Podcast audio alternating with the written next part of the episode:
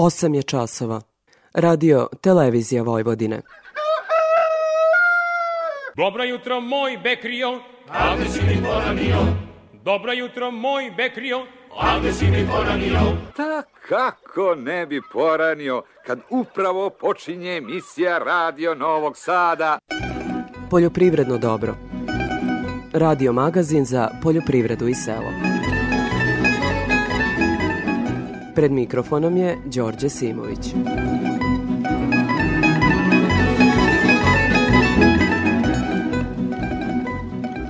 Poštovni slušalci, dobro jutro. Dominantno u današnjoj emisiji analizirat ćemo prolećnu setvu ratarskih useva kao i stanje na domaćem i globalnom tržištu žitarica i uljarica.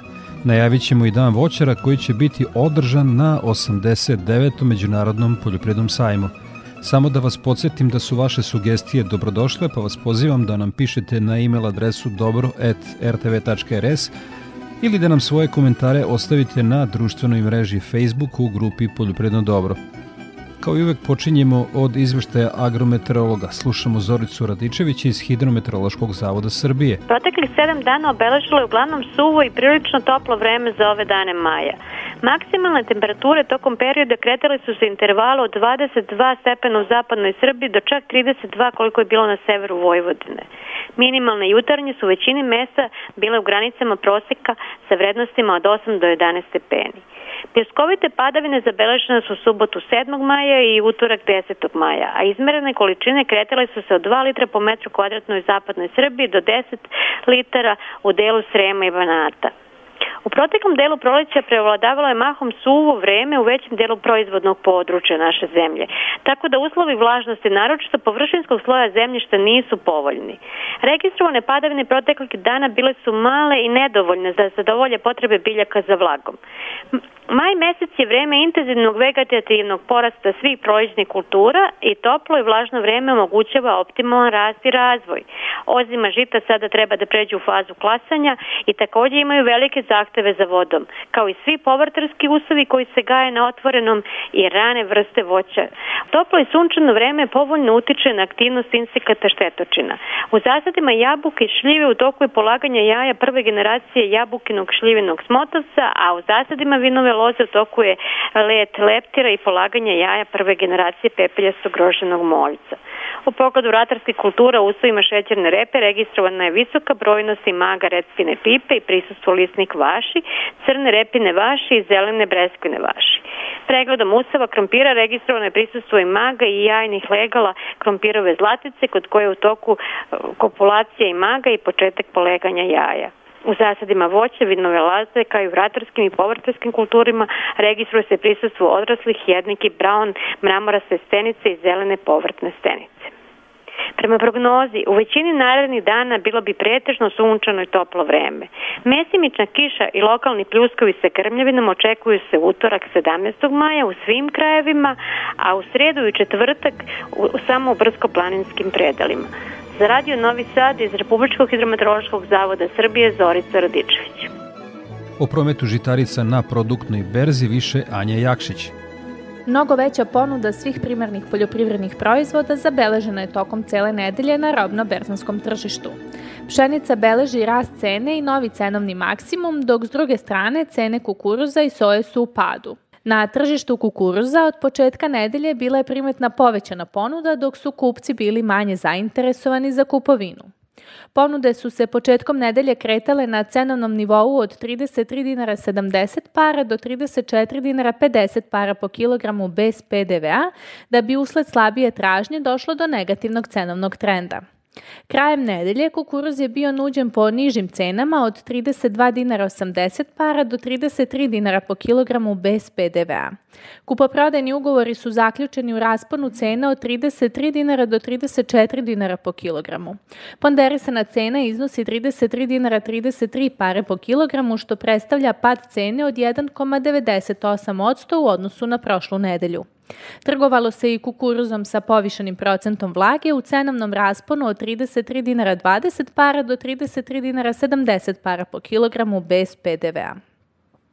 Najveći udeo u trgovanju na produktnoj berzi ove nedelje beleži pšenica. Povećana aktivnost učesnika na ovom tržištu u odnosu na prethodni period dovela je do nove rekordne cene ove žitarice. Trgovanje pšenicom započeto je po ceni od 39 dinara 50 para po kilogramu, a kako je nedelja odmicala, ponude su dostizale viši cenovni nivo. Najviša ponuđena cena bila je 41 dinar po kilogramu bez PDV-a, međutim realizovanih ugovora na ovom nivou nije bilo. Krajem nedelje realizovani ugovori su dostigli cenu od 40 dinara 50 para po kilogramu, što je najviša registrovana cena za pšenicu rod 2021. godine. U odnosu na prošlu nedelju, ova žitarica beleži rast cene od 1,14%. Ovo nedeljna ponder cena iznosi 40 dinara 19 para po kilogramu bez PDV-a. S druge strane, za razliku od tržišta žitarica, tržište soje je, kako je nedelja odmicala, bilo u padu. Početkom nedelje soja je trgovana po ceni od 82 dinara po kilogramu bez PDV-a, dok su ponude dostizale i više cenovne nivoe. Međutim, tražnja na dosta nižem cenovnom nivou od ponude je tokom nedelje ukazivala na tendenciju pada cene ove uljarice. Ugovori tokom nedelje zaključivani su na nižem cenovnom nivou u odnosu na početak nedelje od 79 do 80 dinara po kilogramu bez PDV-a. Soja na paritetu CPT trgovana je po ceni od 82 dinara 70 para po kilogramu bez PDV-a. Na samom kraju nedelje zabeležena je potpuna pasivnost učesnika na ovom tržištu. Ponder cena za ovu nedelju iznosi 80 dinara 16 para po kilogramu, što ukazuje na negativan trend kretanja od 4,46% u odnosu na prošlu nedelju. Sa produktne berze Anja Jakšić. EPP. Pesticidi, đubriva, semena i još oko 2000 artikala za poljoprivredne proizvođače, uz besplatan prevoz, stručne savete i mogućnost kreditiranja. Hemoslavija, Novi Sad, Stevana Sinđilića 17, na putu za veternik. Hemoslavija 021 63 11 666. EPP.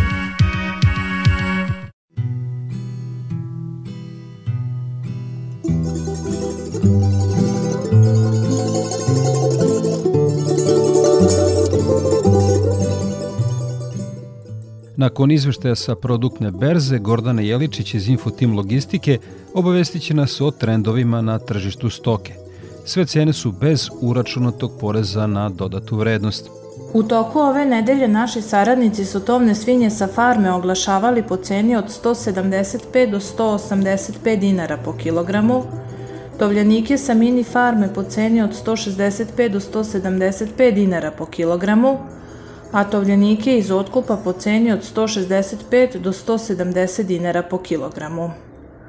Koliko čujemo sa terena, naši saradnici su najčešće dogovarali tovljanike sa farme na cenu 175 do 180 dinara po kilogramu za iduću nedelju. Ponuda jagnjadi oglašena je po ceni od 340 do 390 dinara po kilogramu, a ovce za klanje su nuđene po ceni od 160 do 170 dinara po kilogramu. Na terenu se beleži slabije interesovanje oko nabavke jagnjadi.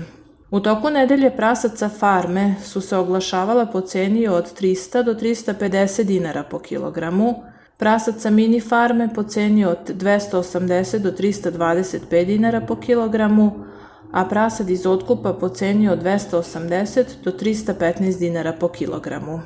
Širok raspon u oglašenim cenama za prasad je zbog toga što kupci pokušavaju da plaćaju niži nivo cena od ponuđenih.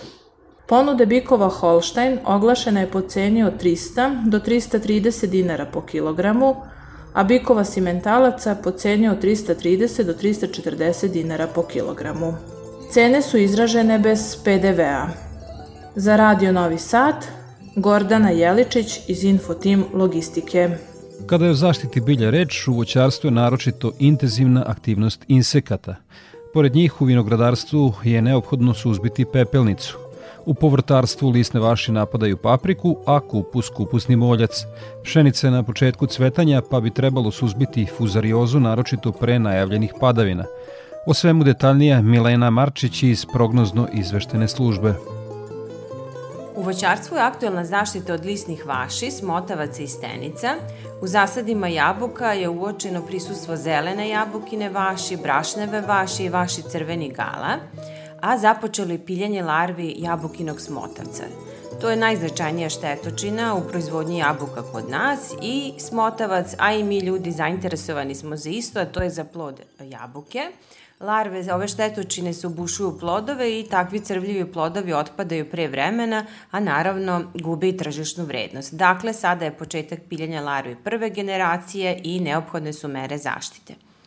U zasadima bresaka uočili smo prisustvo zelene breskvine vaši, u zasadima trešanja crne, trešnjine vaši kao i zasadima višanja, u zasadima šljiva dve vrste vaši, šljivine vaško vrđalica i brašnava vaš.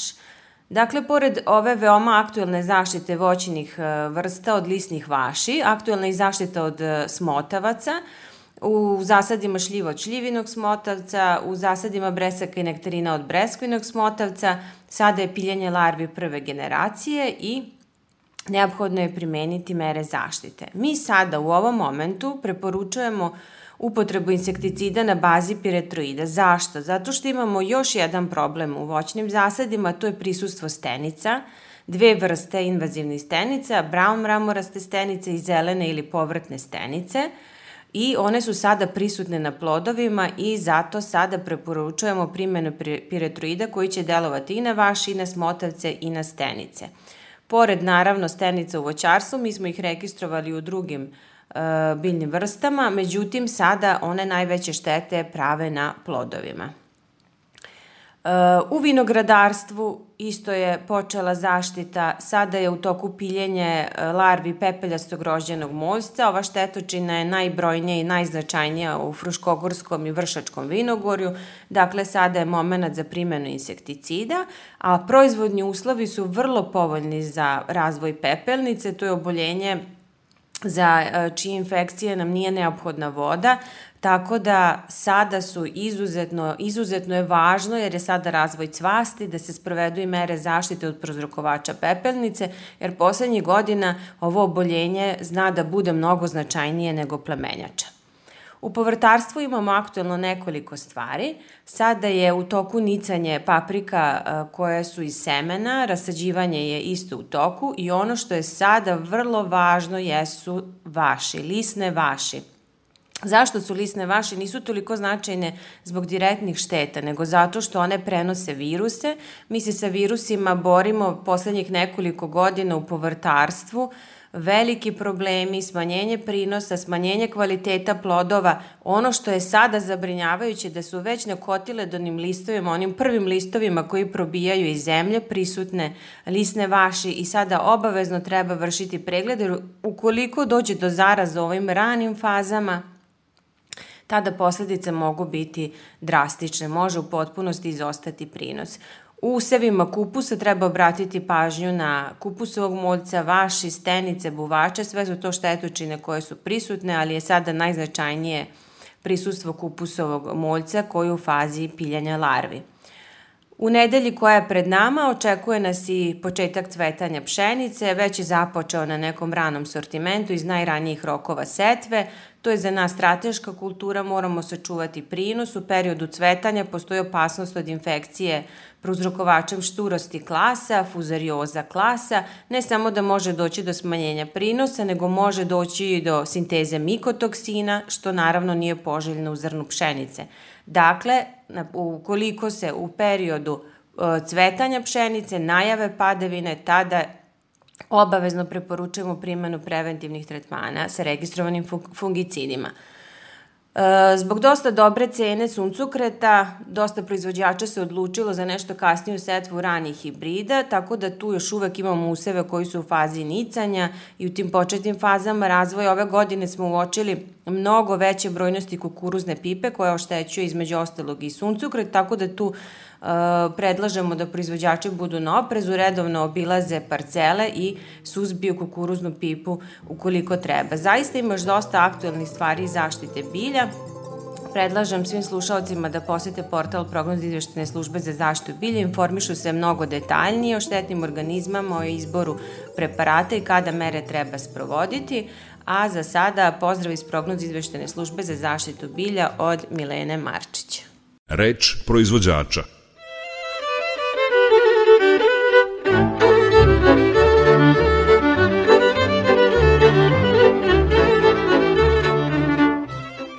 Poljoprivredno dobro, e, Radio Novi Sad, e, na terenu u Borči smo domu porodice e, Milanović, sa nama je Mihajlo i podločimo crtu kada je reč bar onom prvom delu prolećnoj setvi, na kojim površinama i koje kulture ratarske su bile zastupljene?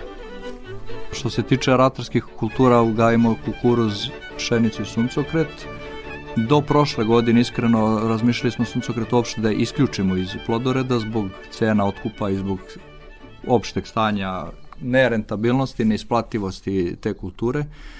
Zasejali smo neku površinu, možda nekih 20 hektara prošle godine, isplatilo se, bilo je to ok priča. E, mislim da je bila cena oko 55 dinara u otkupu, kasnije smo izašli do 60 dinara, dakle mnogo manje od onih 65 koliko se trgovalo, ali i opet smo bili zadovoljni, prinosi su bili solidni, sve je bilo kako treba.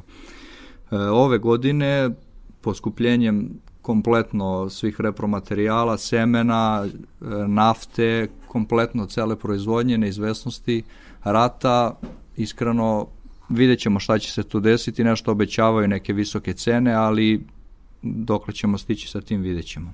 Kukuruz? Pa dobro, kukuruz klasika, posejali smo sve u, na vreme, on je u jako dobroj kondiciji, odrađene su, odrađeno je đubrinje, priprema sve kako treba, isprskane je prvim tretmanom protiv širokolisnih korova u dobroj kondiciji, već je četvrti, peti list. Mislimo da će to biti ok, sad zavisi sve da li će biti padavine ili neće, ali konkretno prošle godine nismo loše prošli sa tim kukuruzom i u otkupu je bila solidna cena, skakala je zimus i sada ajde vidjet ćemo ova zabrana dokle će trajati i to da li ćemo moći još nešto da zaradimo više. To je sada dalje na državi, vidjet ćemo, ne znam.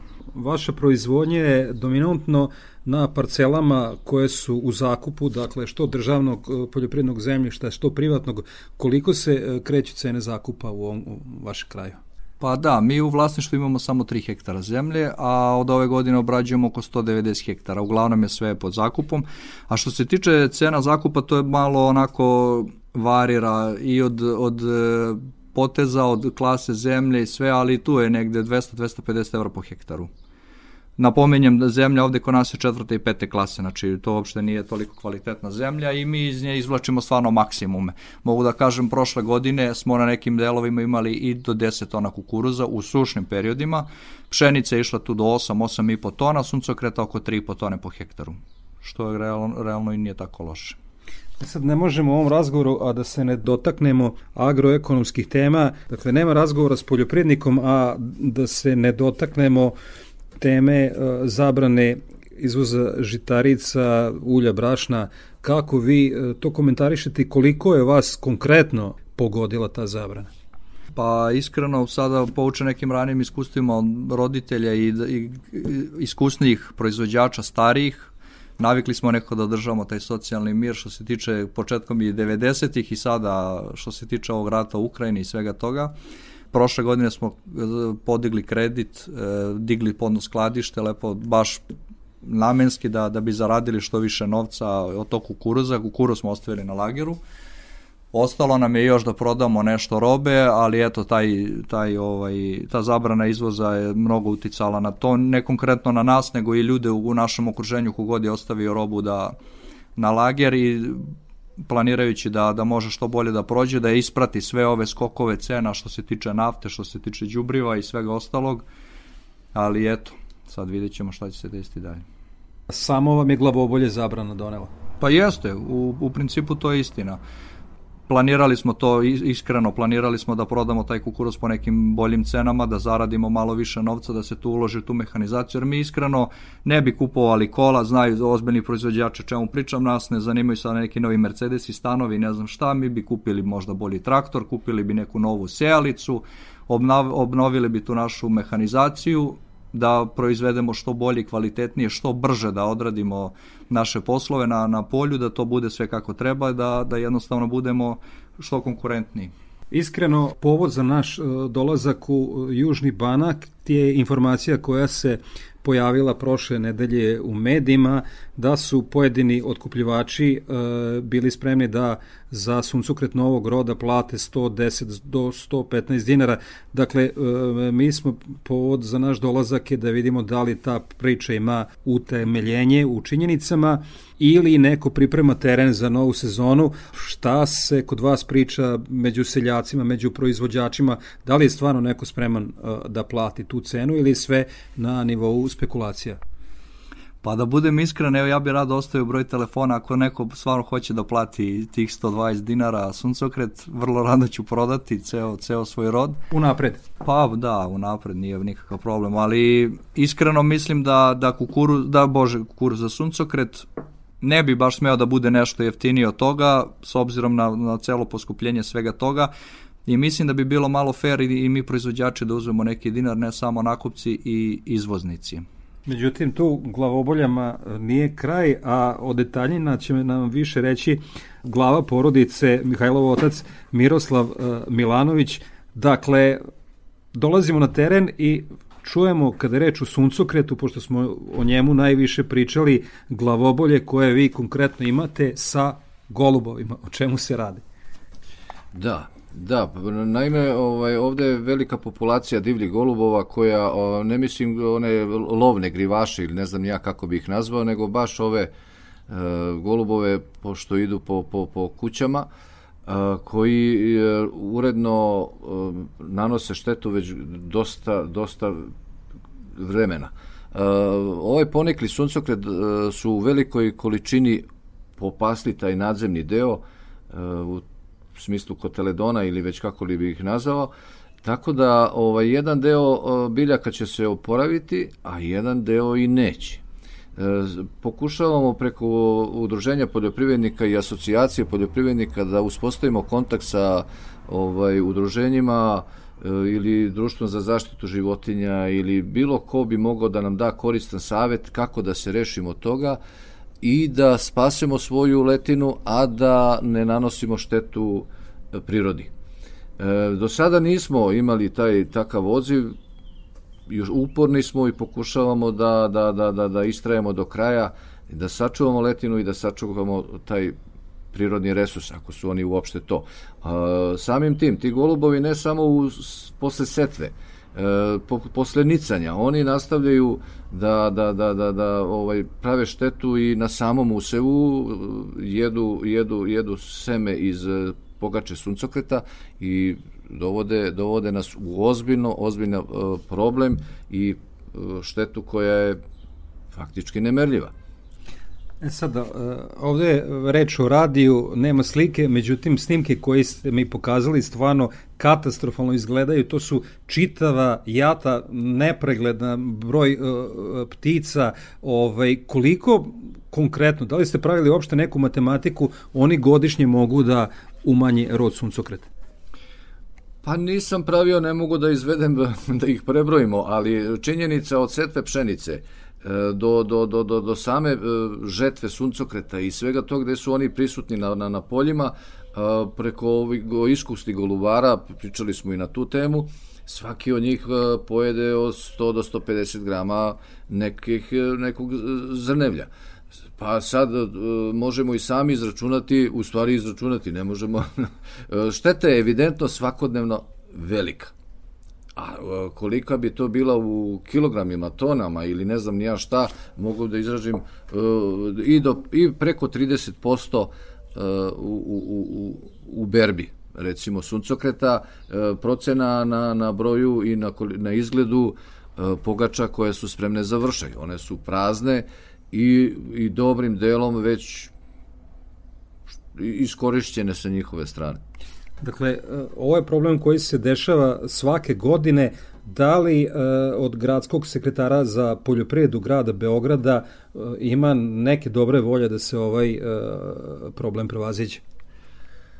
Pa nisam stekao takav utisak, mi smo imali neki sastanak pre izvesnog vremena, ovaj, do duše to i nije bila tema, ali pokušavamo na razne načine da uspostavimo ponovo kontakt i da, da, da, da dobijemo bilo kakva obećanja od gradskih uprava ili ljudi nadležni za poljoprivredu što se tiče našeg regiona. ministarstvo povremeno se oglašava, imaju volju za, za, za, za ovaj saradnju, ali čini mi se da, da, da, da su efekti jako, jako slabi. A efekti su samo evidentni kada poljoprivrednici pokušavaju ili pokušaju da zaštite svoje njive, pa budu na udaru ekoloških, to jest e, organizacija za zaštitu životinja. Nažalost, to je tako ljudima koji već izgube volju, strpljenje ili već toliko ta, to uzme maha da moraju da brane svoje useve na, na neki nepopularan način, onda se za vrlo kratko vreme svi obrate, o, svi se ovaj, oglase, izađu na teren od policije, novinara, televizijskih ekipa, društva za zaštitu životinja i svi imaju neka rešenja i svima je nekome nešto žao, a najmanje tog čoveka koga su na kraju krajeva te ptice orobile. Ne odobravamo to, nije to ovaj naš motiv i zato pokušavamo da nam se bilo ko javi i da nam da neki dobar savet kako da rešimo te naše probleme. I evo ne mogu da i vas ne pitam o, o, o ovoj uh, zabrani izvoza žitarice i uljarice. Naime, evo za manje od dva meseca će i o, žetva pšenice, a dobar deo naše pšenice nismo izvezli. I nije, nažalost, veći deo ni te, te pšenice prerađen u brašno da bi bio uh, ovaj, uh, izvezen kao brašno. To je nažalost istina i čini mi se da je se samo to ponavlja iz godine u godinu. Šta se dešava? Zapravo, po mom nekom ličnom ubeđenju, ali mislim da ne greši mnogo, silosi namerno ostaju u nekom delu puni da ne bi morala da se koriguje cena za naredni rod ovaj koji nas očekuje. Samim tim, ako ne budu oni prazni, gde će se smestiti ta ovogodišnja žetva i šta će biti sa cenom e, pri samom otkupu te pšenice? Ili mogu slobodno da kažem da se e, pojedinim ljudima omogućava e, put za, za, za, za nove dobite i no, novu dobiti i, i da, da, da imaju veći prihod nego sami proizvođač. Tako da, a što se tiče zabrane E, kukuruza i ostalih stvari, mislim da je nerealna i, i ne pogađa, pogađa samo direktno proizvođača i ove otkupljivače. Ako država razmišlja o zaštiti svog tržišta, onda su tu robne rezerve i samim tim treba otkupiti višak, tržišni višak koji se nalazi u ambarima poljoprivrednika ili već gde u silosima otkupljivača da smesti u robne rezerve i samim tim da zaštiti domaće tržište. Ovako, zabrana izvoza je naše robe koja nije u silosima za, državne, za robne rezerve. Iskreno, kao i uvek, kada je reč o poljoprivrednom dobru, poljoprivrednici, ratari iz Borče, otac i sin, Miroslav i Mihajlo Milanović. Hvala vam puno što ste govorili za naš program. Hvala vama. Hvala vama što ste nas saslušali. Tema emisije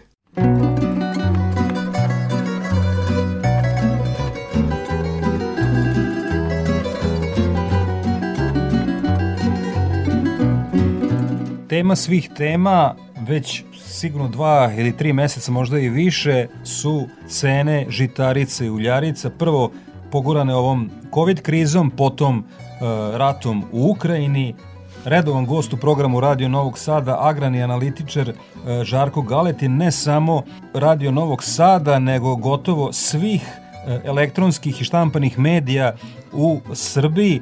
Da li ste pre godinu dana verovali da će biti toliko nasušna informacija ovaj, za, za ovim problemom i da ćete doslovce biti jedan od najčešćih e, gostiju koji pričaju u emisijama o poljoprivredi? Svakako da nisam verovao. Neke naznake smo mogli da imamo o, o uslovno rečeno nekoj krizi na tržištu hrane, e, pojavom korona krize koja je uvela, donela neku veliku pometnju na tržištu. Međutim, ono što je generisalo upravo ovu e, krizu jeste ratni sukob između Rusije i Ukrajine, dve možda i najveće posle Sjedinih država agrarne sile na sve, agrarne sila na svetu i uh, ta, ta posledica tih dešavanja jeste upravo činjenici okolnost da se svet danas hrani najskupljom hranom od kada se uopšte prati statistika tržišna, FAO indeks koji su Ujedine nacije još davno ustanovili negde 60. godina, danas je na nivou od nekih 158, preko 158 indeksnih poena, što je, to je podatak za april mesec, što je apsolutni istorijski rekord ovog, ovog indeksa, što znači da se svet danas hrani najskupljom hranom i kada imate takav problem, kada imate tu okolnost, onda svakako da je to i u žiži interesovanja najšire javnosti, pa i medija naravno. Pre nedelju dana sam uh, imao intervju sa Markom Stojanovićem, predsednikom poslovnog udruženja uvoznika i izvoznika poljopredne mehanizacije. Uh, on mi je rekao da kada je reč o, o uh, velikim kompanijama, proizvođačima traktora, kombajna, uh, nekad je bila korekcija cena na pola godine, pa potom na dva meseca. Sada kaže da imaju korekciju cena na dve nedelje. Mogu samo da zamislim šta se dešava na svetskom tržištu uljarice i žitarice? Nije samo dakle na tržištu hrane, problem je globalnog karaktera, globalne prirode. Sve je počelo od rasta cene energenata, koje, kažem, na kraju eskaliralo rastom cena svih sirovina manje više i u metalskoj industriji, i u hemijskoj industriji što se to recimo na tržište hrane odrazilo pre svega na poskupljenju cena recimo tih azotnih đubriva koje su za više praktično trostruko skočile na svetskom tržištu i što je poremetilo dakle i neke kalkulacije u, u domenu poljoprivrede. Dakle, sve, sve te okolnosti su dovele da mi praktično na dnevnom nivou imamo promene na svetskim tržištima, kažem ne samo na tržištu hrane, ali dozvolit ćete da ipak Hrana i energija koje su praktično uz vodu tri najvažnija resursa na u, ovom našem e, svetu, na zemljinoj kugli i kada imate tako ozbiljan problem na ova dva tržišta kao što su u ova dva sektora kao što su hrana i energija, onda je to e, ozbiljno i veliko pitanje, veliki ispit za ceo svet dokle se to može da ide i kakve će se posledice imati. Kažu da je informacija proizvod 21. veka, pretražujući svetske portale u poslednjih dva meseca, došao sam do podatka da se Kina na vreme obezbedila kada reč o žitaricama i uljaricama. Da li je moguće da su oni na vreme imali informaciju da će doći do ovog sukoba u Ukrajini? Kina odavno već ima e, politiku, to je njihova, da kažem, nacionalna politika e, generalno već duži niz godina e, politika jedne visoke prehrambene sigurnosti i nezavisnosti koja se pre svega očituje u izuzetno visokim zalihama koje ova država ima. Ako vam kažem da recimo Kina na trištu kukuruza je praktično dve trećine svetskih zaliha kukuruza se nalaze u Kini. 50% svetskih zaliha pšenice se nalazi u Kini. Jedna trećina svetskih zaliha soje se nalazi u Kini. Dakle, Kina apsolutno čini sve da bi imala tu neku prehrambenu nezavisnost, taj prehrambeni, kako bih rekao, suverenitet do te mere da ne zavisi od uvoza, da ne zavisi od ekstremno visokih cena na svetskom tržištu. Naravno da i oni plaćaju ceh tom visokom, tim visokim cenama, ali u svakom slučaju, kažem, to je jedna, to je jedna ozbiljna ozbiljna prehrambena politika koju Kina upražnjava već duži niz godina i ne verujem da je, da je, da je sve generisano ovim najnovijim krizom. Čak najnovijom krizom čak imam jedan podatak gde se vidi da je, da je nešto i opao taj udeo uh, kineskih zaliha u svet, na, na svetskom nivou, a, možda čak i zbog toga što ostale zemlje koje sada u paničnom strahu od uh, elementarnog nedostatka ovih bazičnih sirovina kao što su pšenica, kukuruz i soja, suncokret i tako dalje, se obezbeđuju i imaju nešto veće zalihe, pa u toj strukturi možda poremećen malo odnos, ali i dalje Kina ima izuzetno visoke zalihe ona bukvalno na tom insistira i neće, kažem, insistira na tom toj prehrambenoj sigurnosti putem politike tih izuzetno visokih zaliha. Gost u programu Radio Novog Sada, agrani analitičar Žarko Galetin. Kada se e, priča o visokoj ceni e, žitarice i uljarica, nekako se u drugih plan stavlja ono što bi svakako trebalo naglasiti, pored e, visoke cene, dakle, energenata, nafte, e, repromaterijala, semena, hemije i naročito azotnih đubriva, moramo ovaj put i naglasiti problem kada je reč o globalnom tržištu i poremećene logistike i povećane cene osiguranja. Jeste, to je jedna stvar koju možda čak se i manje, na koju se manje obraća pažnja. Svi smo dakle skoncentrisani na cene energenata, cene gasa, cene nafte, cene žitarica, uljarica, a na, upravo na te cene žitarica, uljarica, pa na kraju krajevi na cene nafte i na čitav taj kontejnerski saobraćaj na svetskom nivou, u velikoj meri uticala i, i prve poremeće smo primetili još pojavom korona krize, kada je došlo i do zatvaranja granica niza zemalja i tako dalje, gde je došlo do poremeća tog, tih takozvanih lanaca snabdevanja, Šta to znači? Po suštini to znači da je prekinut taj jedan, jedan kontinuitet snabdevanja koji je bio apsolutno neophodan za jedno normalno i kontinuirano funkcionisanje svetske privrede na svim nivoima, počev od automobilske industrije, prehrambene industrije, tekstilne industrije, dakle na svim nivoima kada imate jedan takav, kada vam pucaju karike u tim lancima snabdevanja zbog objektivnih okolnosti kao što je bilo zatvaranje granica recimo počev od Kine pa kasnije i niza zemalja i u Evropi i u čitavom svetu, onda je došlo dakle do tog problema koji je bukvalno eskalirao sada eskalirao u ovom periodu rusko-ukrajinske krize, rusko-ukrajinskog rata, koji je doveo do toga da imamo praktično recimo tri potpuno neupotrebljive luke sada na Crnomorskom, u Crnomorskom regionu, Odesa, Mariupolj i, i Novorosijsk, dakle tri velike luke koje su apsolutno van funkcije, tako da su recimo i osiguravajuće kuće podigli nivo premije osiguranja upravo i zbog povećanog rizika, zbog tih ratnih okolnosti i tu okolnost takođe treba imati u vidu, jer i ti troškovi osiguranja u svakom slučaju su sada postali vrlo bitan kalkulativni element cene koštanja te robe koja se nalazi operativna za izvoz. E sada, koliko god da je svetska situacija komplikovana, mi ovde kod nas imamo takozvana balkanska pravila. Uz ovo sve što se u svetu dešava, mi smo imali našu lokalnu internu zabranu izvoza žitarica i brašna i sada u tom konglomeratu čudnih pojava i odluka kako je sve to uticalo na naše proizvođače hrane, ali i na mlinare koji su već godinama u teškom položaju. Mera zabrane izvoza nije, nije plod ovaj, mašte i nije endemska pojava samo srpske srpske vlasti, srpskih vlasti. Dakle, to je, toj meri su pribegavali i najveći svetski proizvođači hrane i to je ono što je upravo i dovelo do, do do, do tih pokidanih do tih lanaca snabdevanja i, i, i čitavog sistema trgovine pri čemu su mnogo mera koje smo donosili ne samo Srbija, već i kažem velike zemlje, pa počevo od Rusije, još i pre rusko-ukrajinskog rata, tu su i zemlje Evropske unije, dakle se to zajedno je dovelo do, do, do tih mera koje su imale malo i prizvuk nek, nekog protekcionizma i tako dalje, pri čemu je recimo Svetska trgovinska organizacija ostajala potpuno nema na takve na, na, na, takve odluke pojedinih, pojedinih zemalja. Dakle, samo hoću da kažem da to nije specifikum Srbije, ali postavlja se pitanje zbog čega smo morali i odluke, čini mi se doneta ta uredba 10. marta, zbog čega smo morali čitavih pet nedelja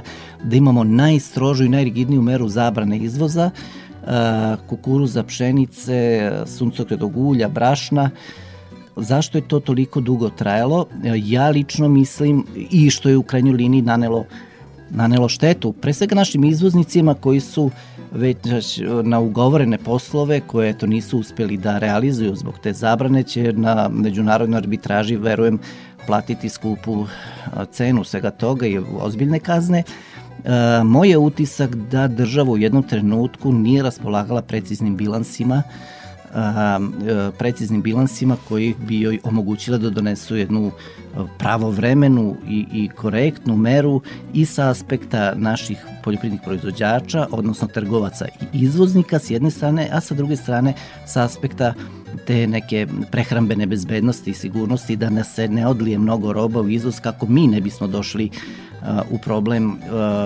u, u, u problem nekih bilansnih poremećaja ta uredba je svake mere doživljavala neku na nedeljnom nivou neku, neke korekcije od vlade do vlade, od četvrtka do četvrtka i svaki put su tu nešto mere ublažavane da bi u jednom trenutku, dakle, negde čini mi se 20. aprila bila doneta mera kvotiranja, da se odobri kvota od 150.000 tona za pšenicu i kukuruz, 8 miliona litara za ulje i mislim 20.000 tona za brašno.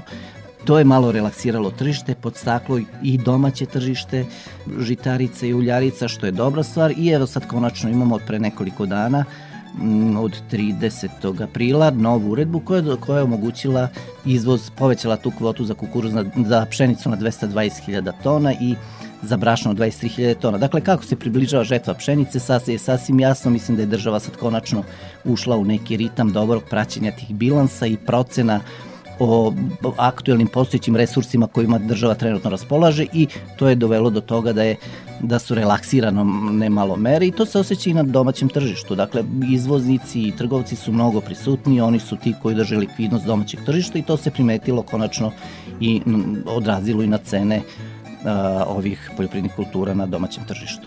Evo pitanje za kraj, e, slušalac koji je poljoprivrednik, ali i običan e, potrošač, dakle dok je ljudi, hrana će se proizvoditi i trošiti, sebi verovatno postavlja pitanje gde će se ovo zaustaviti.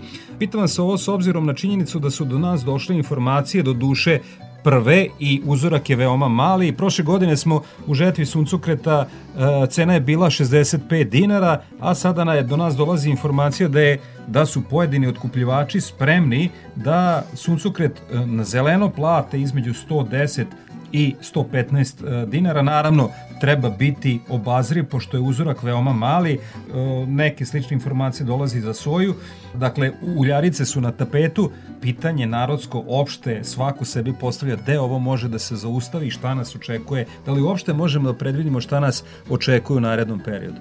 Dakle, to je, što bi se reklo, onako pitanje za milion dolara. Koliko sad mi možemo iz, iz ove pozicije to da, da procenimo, ko je uopšte mogao pre dva ili tri, tri meseca da, da kažemo da će, da pretpostavi da će pšenica biti 40 dinara, da će se e, bez poreza, da će kukuruz biti 34 kao što je sada, da da će se suncokret, što vi kažete, na zeleno prodavati po 115 dinara, 110 dinara po kilogramu bez PDV-a, dakle duplo više nego prošle godine u samoj žetvi, dakle u pitanju su terminski ugovori koji obično su nešto, gde su cene nešto niže, naravno. Dakle, dokle to se može da ide? Pa u, u suštini E, negde će stati. Izdržljivost tražnje e, i, i trp, kako bih rekao, prag kupovne sposobnosti i tražnje će u jednom trenutku reći da više tražnja nije spremna da odreaguje na tako visoke cene. Sad govorim i za generalno i na međunarod, za međunarodno tržište i za domaće tržište. Jedna je stvar kalkul, kalkulativna ovaj, računica koliko je košta proizvodnja soje, pšenice, kukuruza i čega, a sa druge strane je realna situacija na tržištu samih tih proizvoda.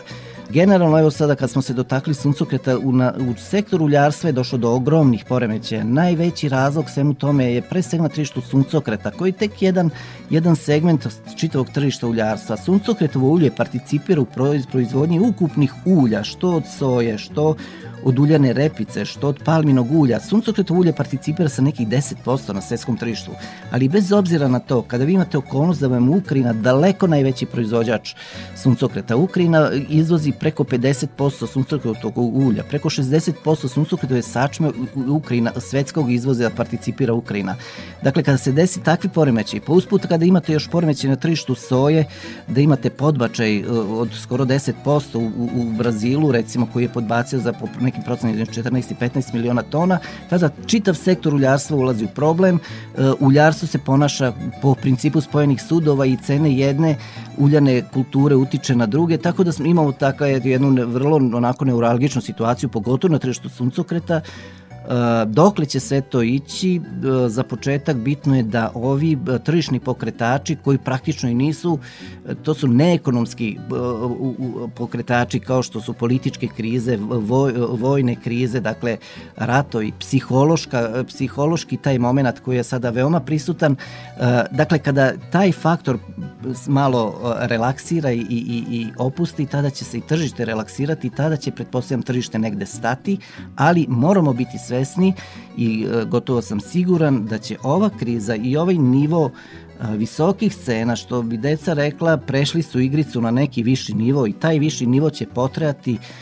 ne kratko. Dakle, ne može se prestankom, potpisivanjem recimo nekog sporazuma između Rusije i Ukrajine, krajem rata između Rusije i Ukrajine, prili prekida pandemije koronavirusa, ne možemo odmah sutra dan ući u, u, u novi dan i da kažemo nema više problema, cene se vraćaju na staro, sada će hrana pojeftini. Dakle, definitivno sve je otišlo na jedan viši nivo i s tim čitava i u krajnjoj liniji potrošačka javnost mora da se pomiri.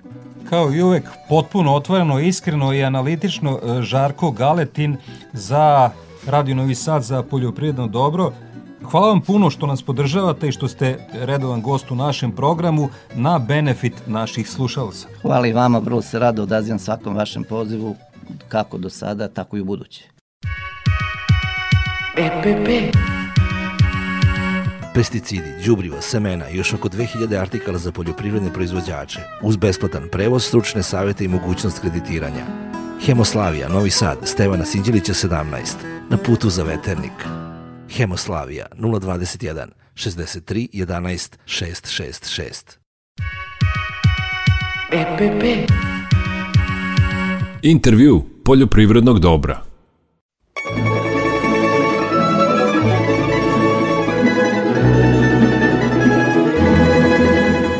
Približavam se 89. Međunarodni poljoprivredni sajam i e, kao jednu od najznačajnijih e, manifestacija pratećih sajma možemo najaviti tradicionalan dan voćara i vinogradara i tim povodom e, u programu Radio Novog Sada gost je profesor dr. Zoran Keserović, predsjednik društva voćara Vojvodine prvo da vam čestitam gledajući spisak e, izlagača, predavača i tema mogu samo da skinem kapu i kažem svaka čast, a vas ću zamoliti da našim slušalcima prenesete šta će to moći da čuju oni koji dođu na poljoprivredni sajam u sredu 25.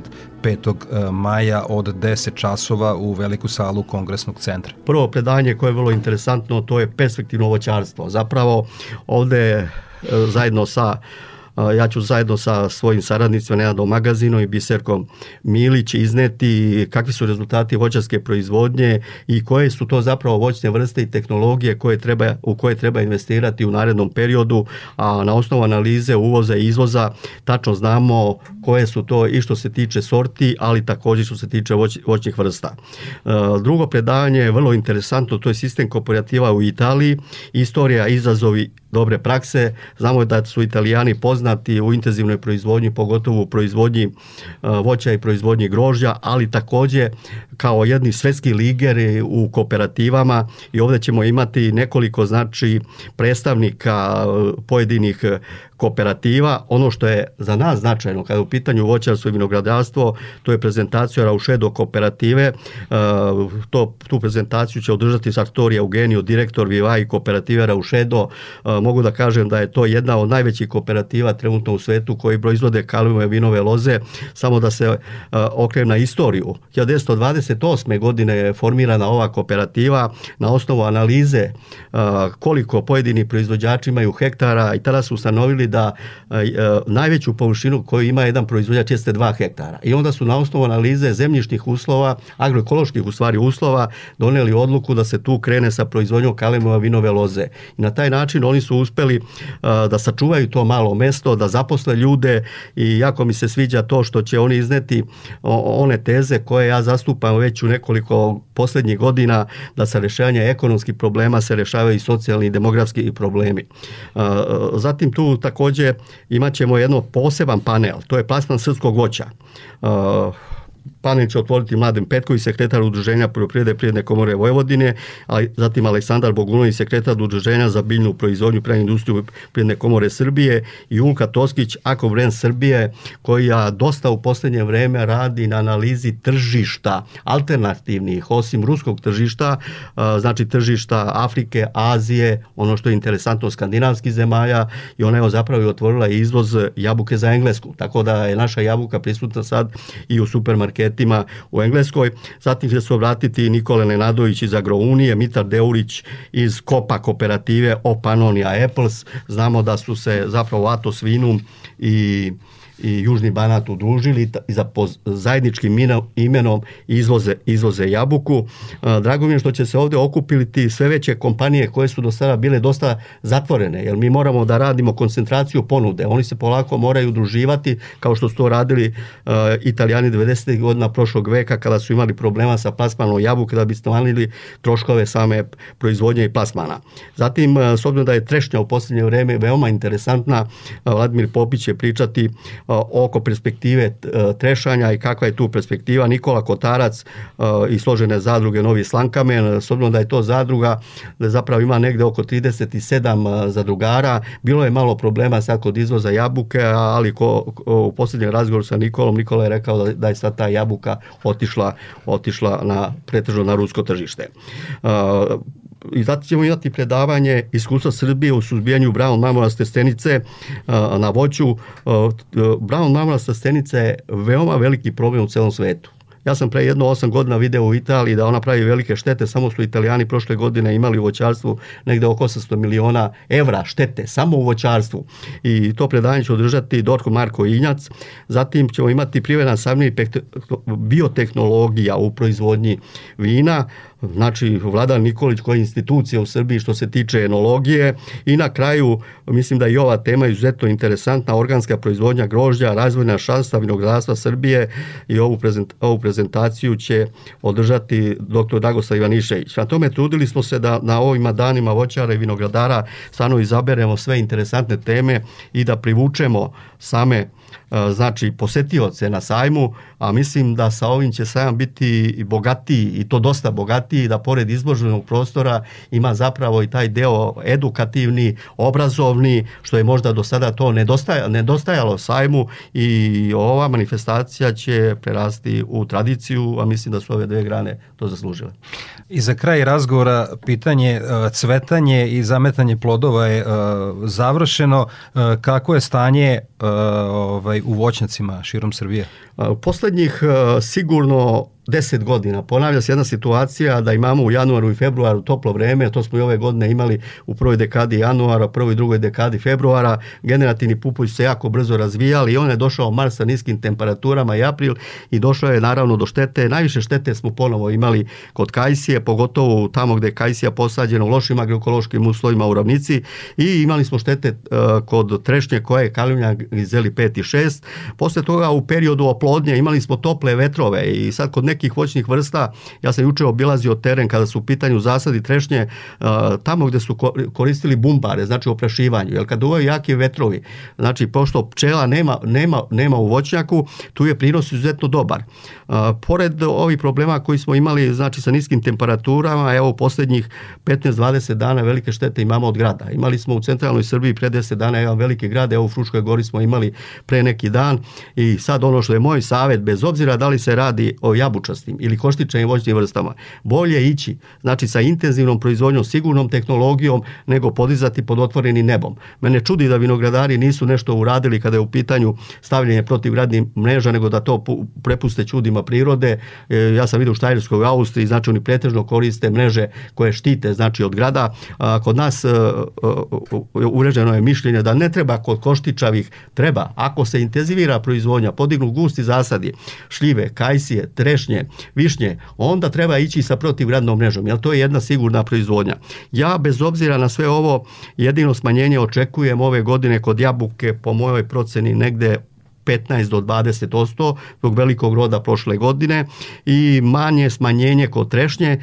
Kod svih ostalih voćnih vrsta ja očekujem povećanje proizvodnje, pogotovo očekujem povećanje kod šljive. Prošle godine smo proizveli negde oko milion i 400 hiljada tona, ja ove godine očekujem negde oko milion 450 milion 500 hiljada tona, ali ono što je, što je dobro da smo mi u 2021. godini, bez obzira na pandemiju, sve ove probleme koje smo imali, da smo mi imali rekordni izvoz voća negde u vrednosti oko 800 miliona dolara. To je negde otprilike oko 150 miliona dolara, znači više u odnosu na 2020. godinu.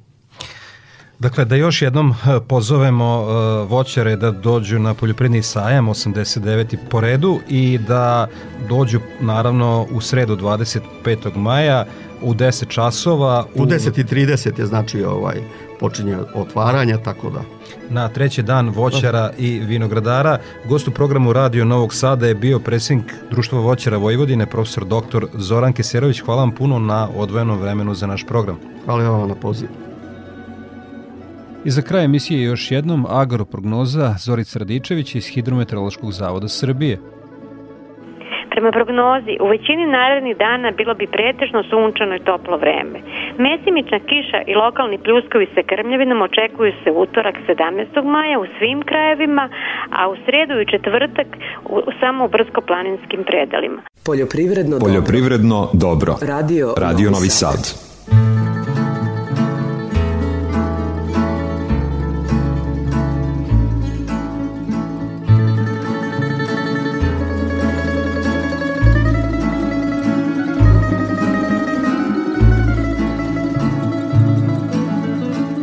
Toliko poštovani slušalci u ovom izdanju Poljoprivrednog dobra, radio magazina za poljoprivredu i selo javne medijske ustanove Vojvodine.